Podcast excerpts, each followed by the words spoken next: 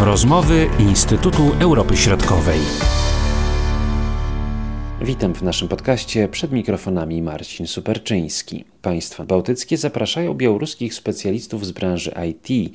Około 6% PKB Białorusi wytwarza właśnie ten sektor. Wydaje się jednak, że władze tego państwa nie doceniają tego faktu. W związku ze skomplikowaną sytuacją polityczną na Białorusi i co za tym idzie, ograniczeniem przez władze dostępu do internetu, sektor ten ponosi spore straty. O zmianach gospodarczych rozmawiamy z kierownik zespołu Bałtyckiego Instytutu Europy Środkowej, dr Aleksandrą Kuczyńską-Zonik. Tutaj warto zaznaczyć, że państwa bałtyckie pełnią rolę takich państw tranzytowych, przez które ładunki właśnie z, ze wschodu, ale tu nie tylko chodzi o Białoruś, ale e, Rosję oraz e, Chiny, przez państwa bałtyckie te ładunki są transportowane e, w kierunku zachodnim. I tutaj dużą rolę pełnią porty bałtyckie, szczególnie na Litwie i na Łotwie, czyli Kłajpeda, Ryga, też Łotewska Lipawa. W związku właśnie z tą zapowiedzią Łukaszenki pojawiła się taka obawa, że po pierwsze dostawy towarów z, Białorusi zostaną zawieszone i, i, pojawi się deficyt tych towarów na rynkach litewskich czy, czy łotewskich, a po drugie, ponieważ e, te połączenia transportowe zostaną zawieszone, to nastąpi spadek dochodów, czyli jakby gospodarczo, e, finansowo e, Litwa czy Łotwa na tym ucierpią. Mówię tutaj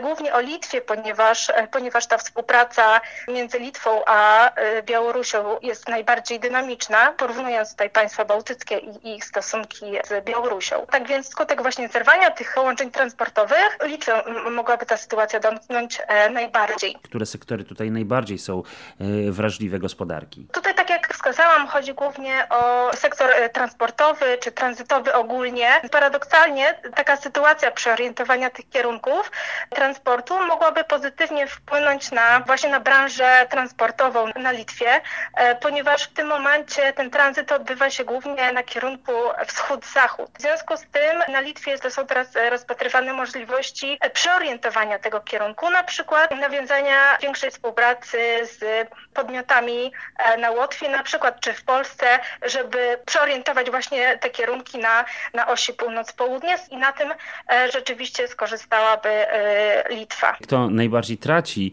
na tej nowej sytuacji? W dłuższej perspektywie mogłaby stracić Białoruś, ponieważ przeorientowanie czy zmiana, zmiana kierunku dostaw i wybór portów rosyjskich mogłoby spowodować duże koszty ekonomiczne dla Białorusi, ponieważ e, w tym momencie Litwa oferuje najbardziej korzystne warunki, jeśli chodzi o transport. Porty rosyjskie są bardziej oddalone, w związku z tym no, wymagałoby to od Białorusi wypracowania nowych połączeń, nowych umów z, z podmiotami, tak więc e, w dłuższej perspektywie Białoruś również e, na tym by straciła. Jeśli chodzi o branżę IT, y, która jest poważnym kołem zamachowym białoruskiej gospodarki, bo to jest kilka procent, z tego co pamiętam, chyba 6% PKB, ta branża no, bardzo cierpi w związku z sytuacją obecną polityczną na Białorusi. Te małe czy też średnie firmy, ale chyba bardziej małe, ponoszą koszty tej sytuacji, z którą mamy do czynienia. Jakie warunki stwarzają państwa bałtyckie do tego, aby te firmy,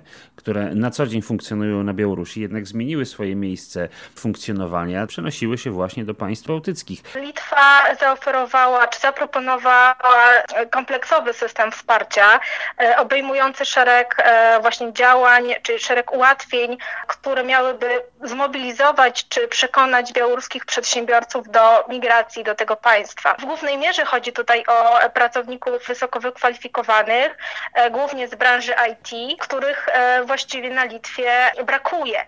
Więc z jednej strony takie działania miały być e, takim kolejnym krokiem pomocowym dla ofiar represji, dla poszkodowanych, czy takim kolejnym dowodem zaangażowania Litwy, e, ale z drugiej strony e, odpowiedzią na potrzeby rynku wewnętrznego na Litwie, czyli właśnie braku tych pracowników wykwalifikowanych. Jakie udogodnienia tutaj państwo litewskie proponuje? Tutaj głównie chodzi o ułatwienia w przekraczaniu granicy, ale również ułatwienia w zakładaniu działalności gospodarczej, oraz zwolnień dla właśnie e, pracodawców, jeśli chodzi o jakieś dokumenty, e, zaświadczenia.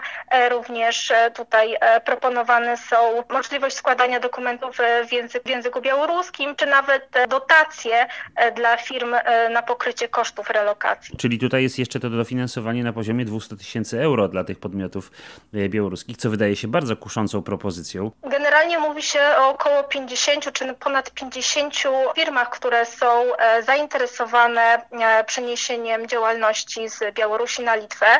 Przy czym jest to liczba największa, porównując Litwę z Łotwą i Estonią. Trzeba pamiętać, że mm, również na, na Litwie w dalszym ciągu jest szereg problemów, szereg ograniczeń, które mogłyby mimo wszystko zniechęcić białoruskich przedsiębiorców do przeprowadzki do tego państwa.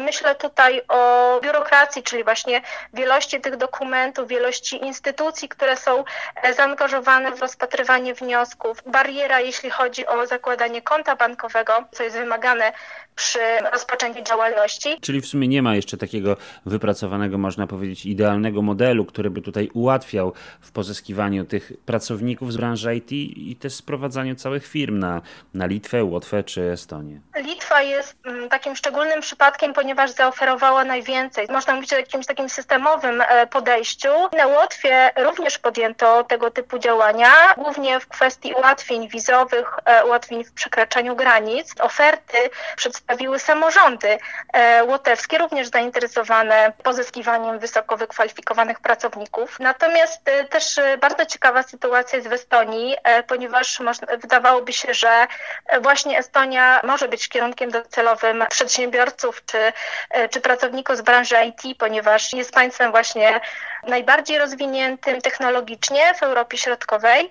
Natomiast do tej pory Estonia nie zaproponowała żadnych dodatkowych ułatwień dla, dla Białorusinów w związku z mm, kryzysem powyborczym. Może boją się konkurencji. Z jednej strony jest to spowodowane tym, że generalnie pozycja Estonii w rankingach, jeśli chodzi o łatwość prowadzenia biznesu, łatwość zakładania firm, jest dosyć wysoka, czyli jakby już na tym początkowym etapie Estonia jest y, atrakcyjnym państwem do mm, prowadzenia biznesu. Natomiast myślę, że tutaj w grę mogłoby wchodzić niechęć niektórych partii politycznych. Myślę tutaj o populistycznej partii EKRE, która no, z takim dystansem odnosiła się do, do migrantów, e, zwłaszcza z tych państw e, partnerstwa wschodniego, rosyjskojęzycznych e, migrantów ekonomicznych, w obawie właśnie, że mogliby oni powiększyć tą już liczną grupę mniejszości rosyjskojęzycznej w tym państwie. Mówiła dr Aleksandra Kłuczyńska-Zonik. Marcin Superczyński. Do usłyszenia.